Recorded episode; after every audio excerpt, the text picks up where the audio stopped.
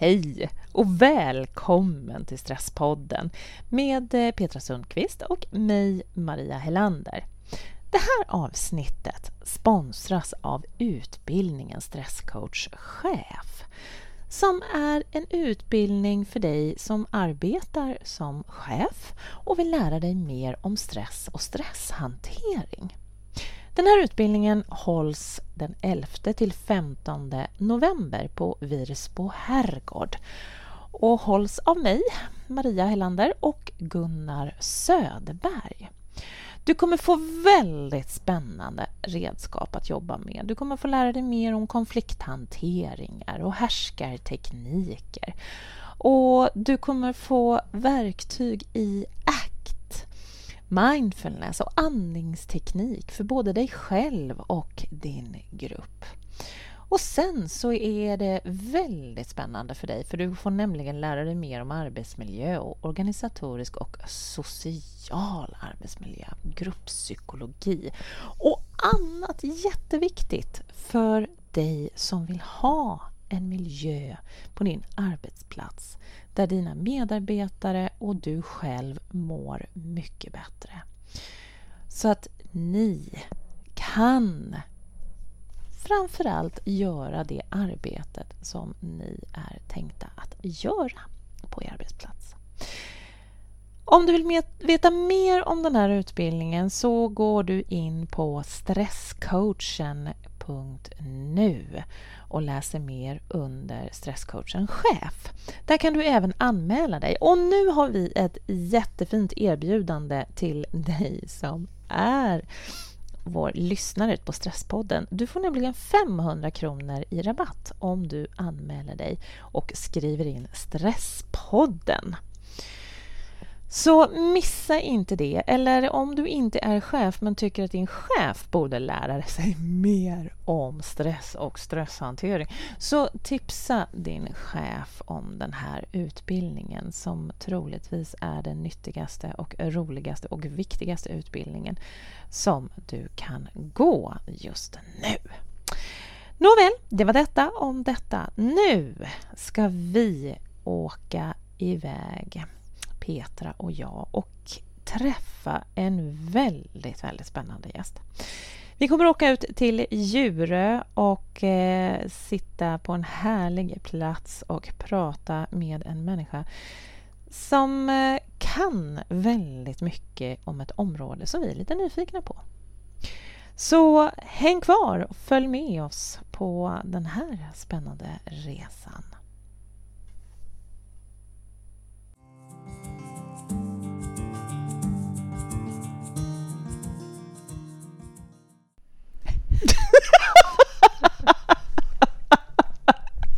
Ja, nu sitter vi här! Ja, i, I solskenet. Oh. Ute, längst ut nästan, längst ut på Djurö mm. är vi. Mm. I, eh, vad heter det, prästbostaden, prästgården, på mm. Djurö. Mm. Mm. med, med Yvonne Hallin som är kyrkoherde i eh, Djurö, Nämndö och eh, Möja. Möja församling. Ja. Ja. Mm. Så Djurö är en församling. Mm. Mm. Mm. Ja, så det är inte tre det. olika. Nej, okej. Okay. Mm. Det är ett, och här eh, chefar du. Ja, det gör jag. ja, det gör. Sen 13 år tillbaka. Ja. Mm, mm, mm, mm. Fantastiskt. Och då kom jag som kyrkoherde från Gotland. Mm. För, och då hade jag varit där i fem år på sy, sydöstra Gotland. Mm. Och så kom jag hit då, den första oktober 2005. Mm. Okej. Okay. Mm. Men du är också från Gotland, för du tog inte ja. bara med dialekten efter några år på Gotland? nej, nej. nej det, var, det, det har ju varit en, min pappa när jag flyttade hit 74 till Stockholm, han var jättenoga med att jag skulle behålla min dialekt. Ja, det är vi och glada så, för. Ja, så, härligt. så det har faktiskt varit en av mina bästa, bästa tillgångar. För det finns några som säger det, att jag kan säga rätt mycket på min gotländska som blir bra. det låter lite bättre. Det passerar. Ja, det passerar, ja. Och så Babben då. Precis. Ja, just Exakt. det. Just det. Mm. Nu ska vi ju inte fördjupa oss i dialekter Nej. med dig idag, Nej. utan vi hade ju faktiskt tänkt att prata om stress. Ja. Och då tänker jag, jag slänger in en fråga direkt här om stress. Står det någonting i Bibeln om stress? Eh, man kan ju säga i alla fall att Jesus uppmanar att vi ska leva för varje dag. Att eh, var dag har nog av sin egen plåga, säger ju Jesus på ett ställe. Att det spelar ingen roll om vi oroar oss på, för framtiden. Mm. Vi måste vara här och nu. Och det kan jag tolka in verkligen som en uppmaning att inte stressa. Och det är också när vi mediterar, för det är ju, jag har ju hållit på med det många, många, många år. Och en av de övningarna i meditationen är ju att man ska vara här och nu.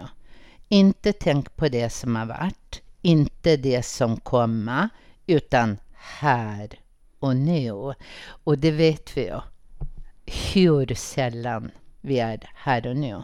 Är det inte så vi grubblar över något som har varit, så är vi redan mm. i framtiden som vi inte vet någonting om. Och överhuvudtaget så var ju Jesus där och då. Han, han hade ju ett uppdrag då, så att säga. Och eh, det var ju att resa människor upp som var de som var mest utsatta. Och det var ju det lärjungarna hade som uppdrag också mm. att förvalta mm. det, det uppdraget. Mm. Mm. mm. Just det. Ja. Mm. Mm. Egentligen, det. Egentligen så är det så häftigt att tänka att det faktiskt står i texter som är så gamla. Och vi har 2000 år! Så, så svårt för, ja. för att vara just här och nu ändå. Mm. Mm. Verkligen. Mm. Och, att, och, att, vi redan, att vi redan där fick en form av stresshanteringsverktyg. Ja, ja, ja men det är väl också det här det som jag tänker många vandrade. Jag menar lärjungarna Jesus, de vandrade ju. Det tänkte jag just de två gångerna jag har varit i Israel och Palestina. Att det som jag sitter och åker bil eller buss där, det gick dem. Mm. Tänk också vad man hinner tänka medan man går. Jag tänker som Aristoteles, han gick ju med sina lärjungar det man kallar den peripatetiska vandringen. Och under den tiden så då hade de ju tid att reflektera över så mycket. Och när man går bredvid varann och inte ser på varann så kan man ju också känna sig så fri. Det är ungefär som när man kör bil och har någon bredvid sig. Och man ser inte på varann. Samtalet bara flöjda och flöjda och flöjda och nya tankar kommer upp. Mm. Det, ja. det är oerhört lugnande. Mm. Jag tycker det i alla fall. Mm. mm. Ja, just det. Precis. Mm. Det här att, att eh, gå, att röra och ja. samtidigt att, att ha en kommunikation i... Ja, nej, för det gick ju inte för dem att springa emellan. Det var ju liksom inte det. det utan det var verkligen mm. där och då. Mm. mm. Jo, men att gå långt, det blir ju verkligen något meditativt. Mm. Absolut. Har ni gått Compostela, vandringen i Spanien? Nej, men, nej, nej. men jag vet många som har gjort det, men ja. eh, gått långt och länge ja. har vi gjort båda Ja, man behöver ju inte... Man behöver inte åka till Spanien nej, för att gå långt. Nej, men jag tänkte just men, det här ja. när det, jag gjorde det med mina, mm. några av mina kollegor och man ska gå två mil en dag och det är berg och det är upp och det är ner och det är sten och det är och när man kommer fram till sin plats och sen när man har gått och pratat med någon under tiden. Vilket samtal! Nej, det, det är inte så att jag längtar och gör det, för min fotta blir aldrig sig lik den vandringen. Och ändå hade jag så bra skor. Ja. så, så. Nej, men det är mäktigt att, att få känna vad som händer mm. faktiskt, i, kroppen. i så här ja. sammanhang. Ja, mm. I kroppen och i hjärnan och med hela oss på ja. något sätt. Liksom. Ja. Mm. Men jag tänker liksom inom kyrkan, ni möter ju så otroligt många människor och någonstans så finns det ju även någon förväntan på människor inom kyrkan att de ska fixa allt åt alla när det väl blir en kris mm. av något slag. Och människor i kris och med psykisk ohälsa och sånt, hur, vad har ni för resurser för att bemöta det här? Här hos oss så har vi, vi är ju, det är två prästtjänster. Mm. Vi, vi, det är jag och Åsa. Och det som vi möter, det är ju i samtalen att eh, människor vet var vi finns. Och det är ju ofta i krissituationer också som människor söker oss. Och det behöver inte bara vara vid dödsfall, utan det kan vara på sommaren när man ska koppla av och helt plötsligt så träffar man sin familj och så är man inne i en gräl situation och man behöver ha någon att, att prata med. Och eh, så är det ju också det här om det det blir problem med, med barn, det blir problem med relationen. Och nu har ju vi varit här så länge så att då har man ju också byggt upp ett kontaktnät. Människor vet var vi finns, så att säga. Men jag, ska in, jag kan inte säga att det är värre nu än 95 när jag började i Österhaninge församling i min första prästtjänst. För då blev det, när man gick med prästkragen, så på Konsum i Haninge, så när de såg att jag var präst, så kom de fram och började prata och ville prata om sin problem. Vips så satt jag uppe på själavårdsrummet i, i Sankt Eskil. Och det blev sen ett av mina, vad ska man säga, eh, uppdrag som präst. Ja, eh, det var att ha själavårdssamtal. Jag, det visade sig att jag, jag var bra på det. Mm. Där det fungerar liksom kemimässigt. Jag ska inte säga att jag är bra på alla, men där det fungerar kemimässigt. Och då fick jag också av församlingen och kyrkoherden, då fick jag gå min steg ett-utbildning i psykodynamisk terapi. Jag fick gå själavårdsutbildningar, så jag blev liksom rustad för att just eh, liksom ta emot de här eh, personerna. Men är det många präster som har de här utbildningarna? Jo, ja, ja, eh, särskilt här i Stockholm. Ja. Eh, I Stockholms stift är det många som, som har det. För att nu säger jag att det är inte bara det att man ska gå en terapeututbildning och så är det en quick fix.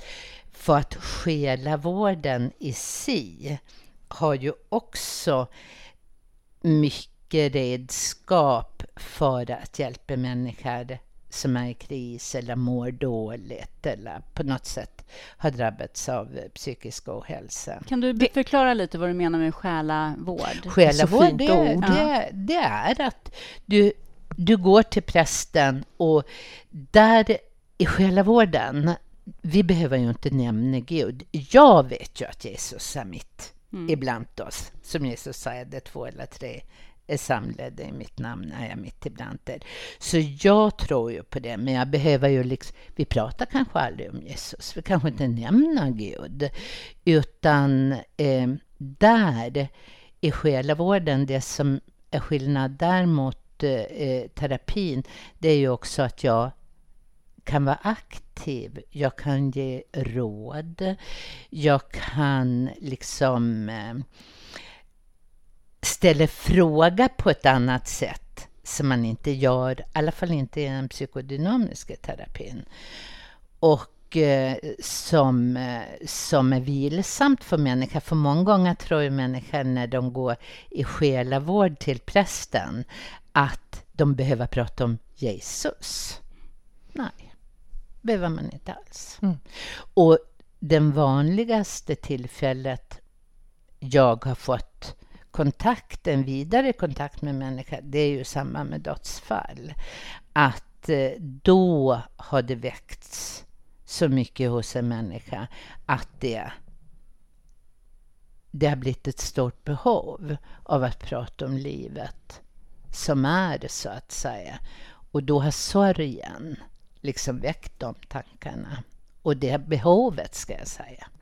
Och sen är det ju så här, själavården är gratis. Mm.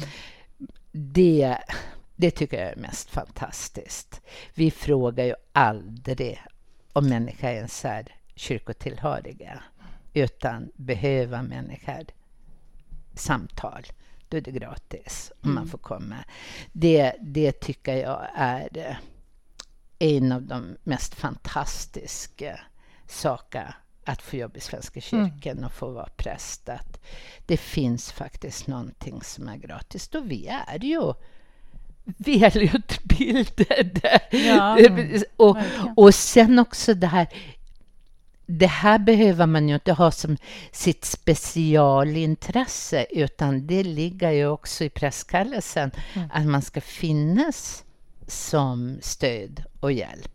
Och sen de flesta präster tror jag också går i egen själavård, att man tar ju hand om sitt eget, sitt, mm. sin egen själ och sitt eget sinne också. Även om man kanske inte går i terapi så, så har man säkert en själasörjare som man går till. Mm. Vad tror du, för det där, jag älskar ordet själavård, jag tycker det är så mm. fantastiskt fint. Mm. Vad, vad, tror du händer med våra själar egentligen när vi stressar så här mycket som vi gör idag?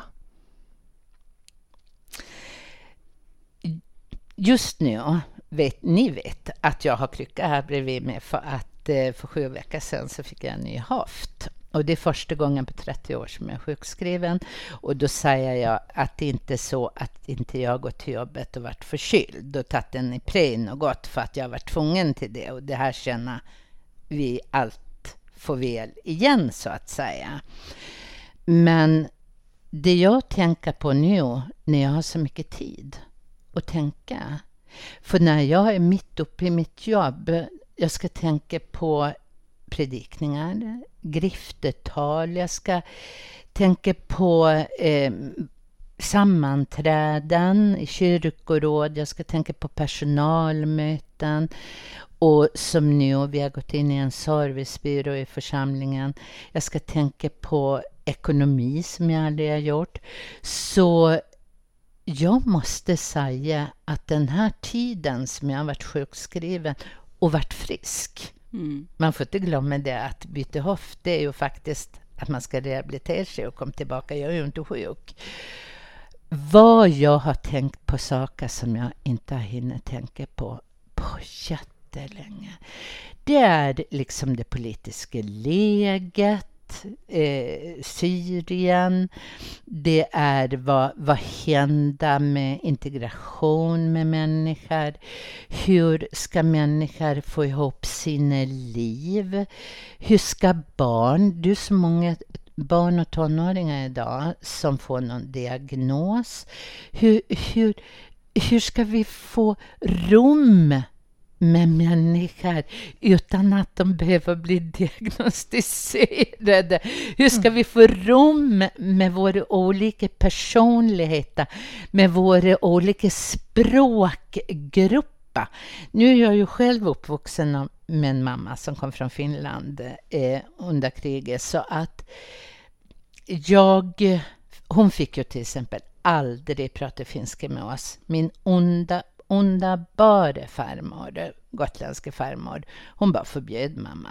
Vi, fick, hon, vi skulle inte prata lika konstigt som henne.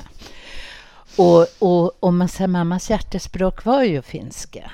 Och det, innan mamma dog så pratade hon med mig om det, att hur hade vår kontakt sett ut om jag hade fått om hon hade fått prata finska med oss. Det är ungefär, hon fick aldrig låtsas om sitt romska arv. Och jag är jätteglad. det kan jag liksom inte nog vara stolt över att eh, min gammelmorfar, en italiensk rom som kom till, till, till Finland och vad han nu gjorde där med den sålde gipskatta men han träffade i alla fall min gammelmormor och, och så, så det här är saker som i dagsläget, vad är det vi behöver när vi är så många kulturyttringar i vårt lilla land? Vet du, när jag är mitt uppe i mitt jobb, jag hinner inte tänka. Jag hinner läsa de böcker jag behöver läsa. Jag menar, fräscha upp sig inför predikningar och så, mm. då behöver man ju göra det. Men jag har inte på flera år hinner reflektera som jag gör nu. Mm. Så jag tror i dagsläget människor är alldeles för splittrade. För att, som till exempel, ska du hinna skriva, till exempel, om du vill skriva en dikt, om du inte har det som jobb, utan vi gör det för ditt eget intresse, då måste du ha tid för att samla tankarna, för att samla ihop din själ. Så det är mycket, jag förstår att det är många som kan säga så här, det här ska jag göra när jag blir pensionär. Det ska jag göra när jag är pensionär, för jag hinner inte nu. Men de pensionärer jag träffar i kyrkan, det är ju ofta människor som har haft ett rikt arbetsliv bakom sig. Men då ska de vara engagerade i massa föreningar, kanske i kyrkan, och så ta hand om sina barnbarn. Jag fattar inte hur de hinner. Jag fattar inte hur de hinner. Nej. Så det ställs stora krav på människor idag. Och hitta lugnet det är ju också någonting som vi måste ta ett aktivt ställningstagande till. Det sköter sig inte själv. Och då ska man ju inte behöva byta en höft för att det ska göras. Så jag har ju redan börjat tänka, hur ska jag behålla den här mm. sinnesfriden? För det här är de flesta av oss präster tror jag har för vana att meditera och be, för det är ju att, att ha koll på sin egen andlighet. Men det kan man ju också göra om man säger med stress, för att man ska göra det. Mm. För att man ska göra det. Mm. Inte för att man tar den tiden att verkligen sjunka in i vad är det jag säger? Vad är det jag tänker? Och, mm. och sådär. Och nu pratar jag bara för mig själv. Jag menar, jag ska inte säga att andra mm. gör så. Nej, utan... fast jag, jag, tror att du mm. pratar för väldigt många ändå när du, mm. när du säger de här sakerna. Därför att vi lever ju på något sätt ändå i, i det här tillskruvade samhället allihopa. Och du har ju så rätt i när du säger att vi verkligen måste ta aktiva val. Mm. Mm. för att liksom ta oss tid till att blicka inåt mm. och reflektera. Mm. Och Det är otroligt befriande, tycker jag. Som, jag menar, du sitter här, du har liksom jobbat med det här i många år. Du är mm. en så här superhärlig personlighet. Och ändå så här, man tänker så här, du, du har ju koll på allt. Och sen sitter du ändå och säger så här att ja, du var tvungen att gå igenom en, en situation så här, ett par år innan pension för att liksom få insikten om hur svårt det är att mm. ta sig tiden att reflektera. Mm. Det, det, mm. säger ganska mycket mm. om att det faktiskt det är, det är svårt för alla. Det är svårt för alla, verkligen mm. svårt för alla. Ja, verkligen. Jag mm. måste säga att det här... Eh, jag brukar säga ibland så här, det här är Guds present till mig. Det låter, men det är också bara för operationen har gått bra, jag slipper ha ont, bara det. Mm. Så, och som ni ser, det här, jag lever och på en vacker plats. Det finns liksom alla förutsättningar för att att hitta ro. Men jag menar, i, till vardags, då är det ju så mycket annat som, som cirkulerar. Jag vet ju inte på morgonen när jag går till jobbet så vet jag ju inte vad som händer under dagen. Jag kan ju ha liksom eh, möten inplanerat och så, men det kan ju hända någonting. Det kan hända en olycka. Det kan hända någonting annat som människa behöver ha ett akut samtal med mig. Så, och då måste jag ju vara disponerad för det. Mm. Och eh, det kan jag ju inte välja själv. Och därför tror jag också när man tar sina ledigheter, då är det också viktigt att man inte ska boka in massa saker, utan verkligen, i alla fall första veckan när man har semester, kunna komma ner i varv. Mm. Nu fick ni ett semestertips också här inför mm. semesterplaneringen. Ja, ja, verkligen. ja. ja, nej, för det var nämligen så. Det, varit, eh, det hade varit så jättemycket och så tog jag mina två, två första veckor så hade jag semester innan operationen. Och då åkte jag iväg med en väninna som också hade haft jättemycket att göra under eh, eh, förra året. Så det, första veckan så sov vi bara. Sov, sov, sov, sov, sov. Mm. Och det är verkligen underskattat. det är få saker som är så bra för en människa som att sova. Ja, det var mm. fantastiskt. En annan sak som är ganska bra för oss människor är också att faktiskt vara ganska snälla mot oss själva. Och det där mm. pratade vi om eh, i bilen när vi mm. åkte ut till dig nu. Mm. För att vi använder ju oftast självkritik liksom som en drivkraft också för att mm. hela tiden prestera och dra oss mm. framåt. Mm. Och där hade du en sån bra sak i jämförelse med, med vad som faktiskt står i Bibeln och vad som kanske eventuellt var, var norm då. just det, att, att, att älska sig Nej, att älska sin, sin nästa så som, som sig själv. Ja. Mm. Mm. Och det, det är ju sånt som låter sig sägas. Mm. För det är ju det yttersta budet Jesus ger oss. Du ska mm. älska din nästa som dig själv. Men i den meningen så ligger det ju också att, eh, som att det skulle vara en norm. Att det är så självklart mm. att du mm. älskar mm. dig själv. Mm. Och så är det ju inte idag. Idag säger vi verkligen tvärtom mm. också och mm. försöker pusha människor att liksom tycka om sig själva och se dig själv som mm. din bästa vän. Ja. Det bygger ju på att vi faktiskt är otroligt kritiska och kanske till och med hatiska mot oss själva. Ja, men jag tänker redan unga flicka idag som inte tycker om sig själva, som mobbar varandra, som ställer stora krav på sig själva, att de inte ser tillräckligt bra ut. Unga flickor som redan tidigt börjar tänka på vilken plastikoperationer de vill göra med bröst, med, med ansiktet, med läpparna. Och så sitter de bara där och är så söta och finns inte en grundläggande kärlek till sig själv. Mm. Okej, okay, under tiden vi växer upp, vi prövas mot så mycket. Det är ju inte så att man är fix och färdig när man är 15 och, och klar. Men det här också, att när man säger att man ska älska sin nästa som sig själv, vad händer när jag inte älskar mig själv? Vad händer när det bara blir ett ekande bronsens skrällande symbol som det står i kärlekens lov. Att ibland kan man ju också sätta igång och göra så mycket för andra för att man inte står ut med sig själv. Mm. Att man liksom, ja, gör jag bara det här, Gör jag bara det här, gör jag bara det här så har jag ett existensberättigande. Och så glömmer man bort sig själv och, och, och verkligen tar till i sitt inre, jag är älskad för att jag bara går på den här jorden.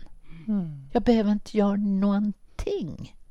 Och det är ju det här, det här stressen som vi har i oss också i kyrkan. Ah, det kommer så lite folk. Åh, oh, vad lite folk. Åh, oh, vad synd det var som fin gudstjänst och det är så lite folk. Under några år i början, jag var så stressad över att ha det, det jämt Så att det var precis... Så, ja, men vi som är där då? Är inte vi värda någonting? Om det är fem stycken i kyrkan på gudstjänsten då behöver ju vi fem det. Och så glömmer man på gudstjänsten när det är dop, då kan det vara hundra stycken. Det är också en gudstjänst. Folk kommer till gudstjänsten. Men de kanske inte kommer klockan elva på söndagen, för det har de inte tid till. Så det måste jag säga var en stor befriande eh, vad ska man säga, eh, eh tillstånd i mig när jag slöt att stressa upp mig för det. För jag trodde att det var jag som var så dålig. Det var jag som var inte drog folk. Det var jag som hade dåliga predikningar, allt det här. Att alltid få höra det här. Vad vi än gjorde, ah, vad synd. Vad synd att det kommer så lite folk. Jag förstår inte. Mm. De som behöver komma, och det vet inte jag när. Och sen om det är att man kommer vart femte år för att man råkar gå på ett dop. Fine. Det är ju det som vi ska finnas till för. Det är inte att människor ska känna sig tvingade att gå i kyrkan. Och det är också det, många av dem som kommer och pratar med oss, det är ju inte våra kyrkobesökare det är ju faktiskt människor som jag kanske träffar på ICA som det där samtalet börjar och sen leder det att vi fortsätter våra samtal. Men det är inte samma sak som att människor har behov av att gå på gudstjänsten. Nej. Det där tycker jag är så spännande, för jag tror ju säkert att du faktiskt har samtal med många människor som kanske inte ens bekänner någon eh, tro överhuvudtaget. Nej, men mycket riktigt. Och det kan ju människor säga också. Att jag vill du till exempel att jag ska be för det här, kan jag fråga. Mm. Ja, men jag kan inte be. Kan du be för mig?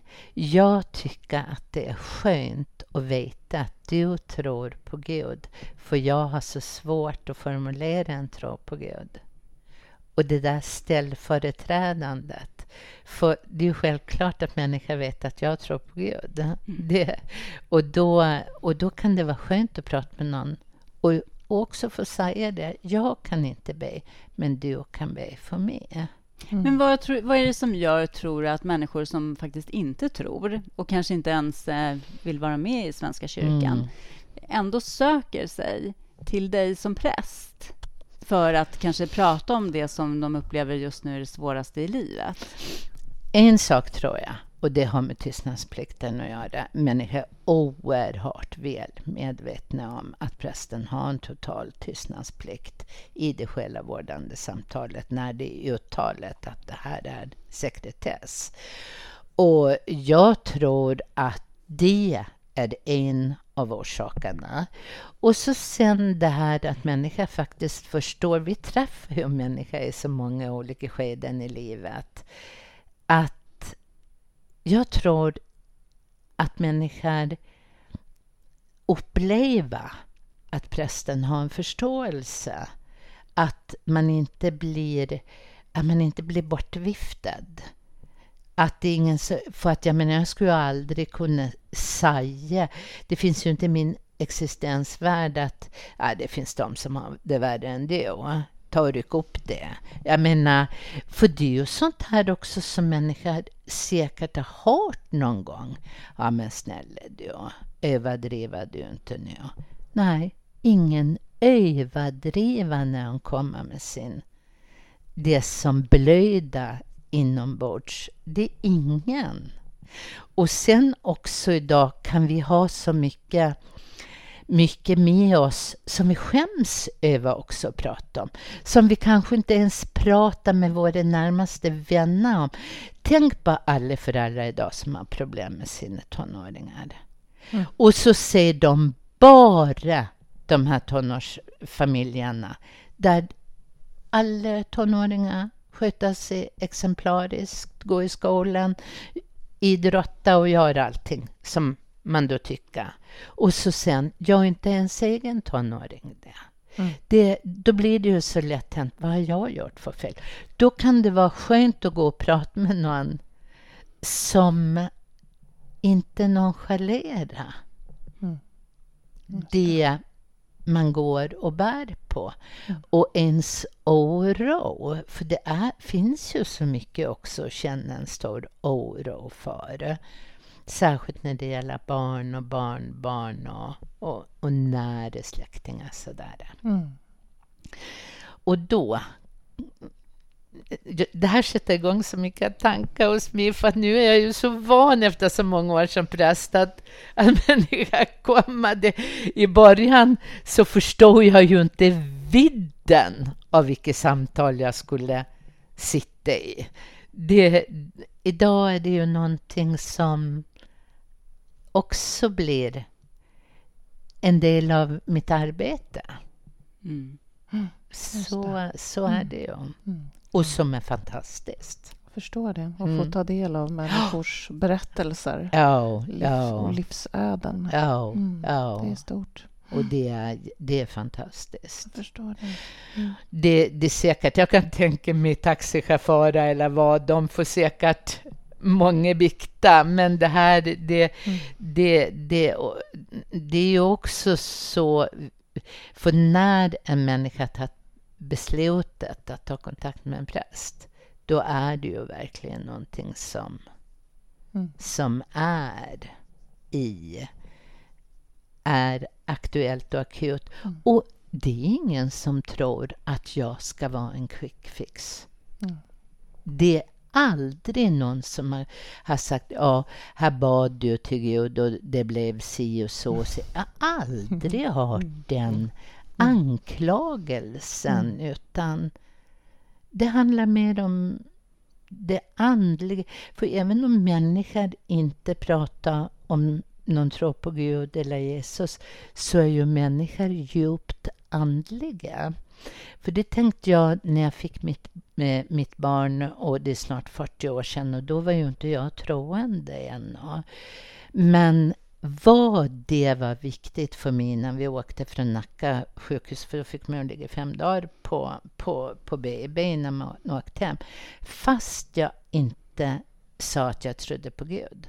Men vad det var viktigt att ungen skulle vara döpt mm. innan. Och i och med att vi hade våra släkter från Gotland, från kyrkor och överallt, så då tänkte vi så här, men hur ska vi få ihop alla släktingar? Nej, ungen ska vara döpt innan vi åker härifrån. Mm.